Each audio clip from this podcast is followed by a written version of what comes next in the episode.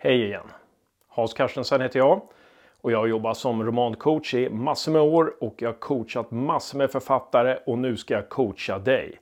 Här ska du få tips som du inte får någon annanstans och som tar ditt författarskap fram många, många procent. Men innan vi kör, prenumerera här nere på subscribe-knappen så missar du inga avsnitt. Jättebra!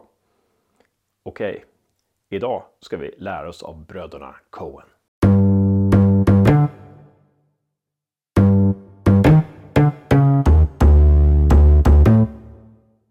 Joel och Ethan Coen.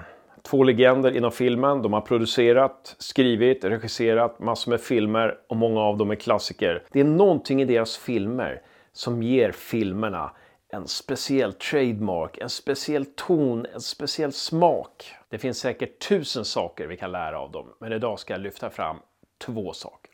För det första, skapa realism genom att ta med sånt som inte ska vara där. Och vad betyder det? Ja, ett exempel är ju från Fargo som kom på 90-talet som utspelas i Minnesota och där protagonisten, får vi kalla henne, hon som vi kan identifiera oss med, polisen, träffar en gammal gymnasiekompis. Och det visar sig vara en ganska knäpp gymnasiekompis som ljuger en massa och sådär. Den följs upp i en scen senare, men den har ingenting med huvudhandlingen att göra. Och jag har alltid undrat varför finns den med?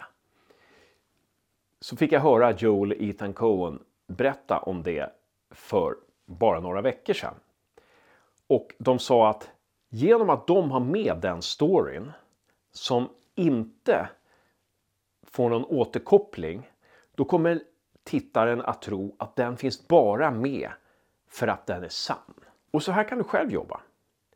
Om du har två stycken personer, två karaktärer i din berättelse som står och pratar i ett kök varpå ett fönster öppnas och någon ropar Jag har tre framtänder, vill ni se? Så kommer grannen in och visar att han har tre framtänder och så går han igen. Och sen får läsaren ingen återkoppling till den här storyn någon gång i berättelsens fortsättning. Då kommer läsaren tro att det där finns nog med bara för att det har hänt.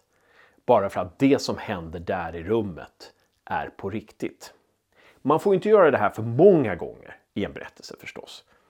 Men om vi lyfter in något ovidkommande som är ganska detaljerat och som inte följs upp så mycket. Tänk själv. Läser du en sån sak i en berättelse så kommer du ju tro att wow, det där var väldigt verkligt. Och varför finns det med? Och den enda lösningen du kan komma på är att det fanns med för att det faktiskt var sant. Nu ska du få en övning för att testa det här. Den första övningen i det här klippet. En mor och en dotter sitter på ett café. De har en konflikt. De sitter och kastar skit på varandra. Skriv den dialogen. När du har skrivit den dialogen så låter du någonting annat utspela sig vid ett annat bord. Och där två stycken har en annan dialog som är väldigt specifik och som inte har någonting med moderns och dotterns konflikt att göra. Om du ställer de här två scenarierna mot varandra i samma scen så kommer läsaren att tänka det här är nog ett riktigt café. Kör!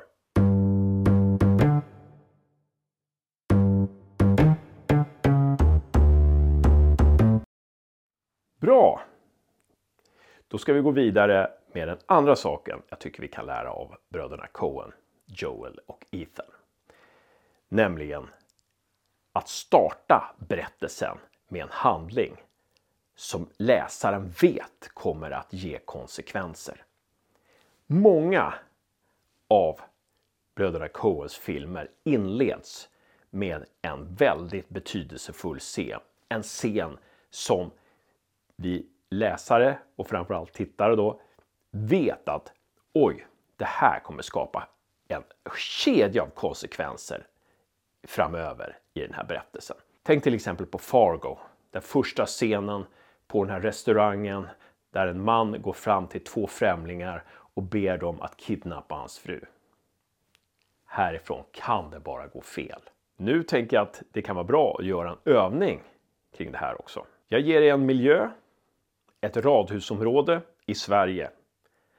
Jag ger er två karaktärer. Två hundägare möts med varsin hund. Det är morgon. Se till att lägga in en händelse, se till att något händer som ger ringar på vattnet och som får läsaren att tänka härifrån kan jag inte lägga ifrån mig romanen. Det här kommer bara kasta handlingen framåt. Och som vanligt kan du ju pausa här om du vill ha mer tid att skriva och återvända till klippet senare.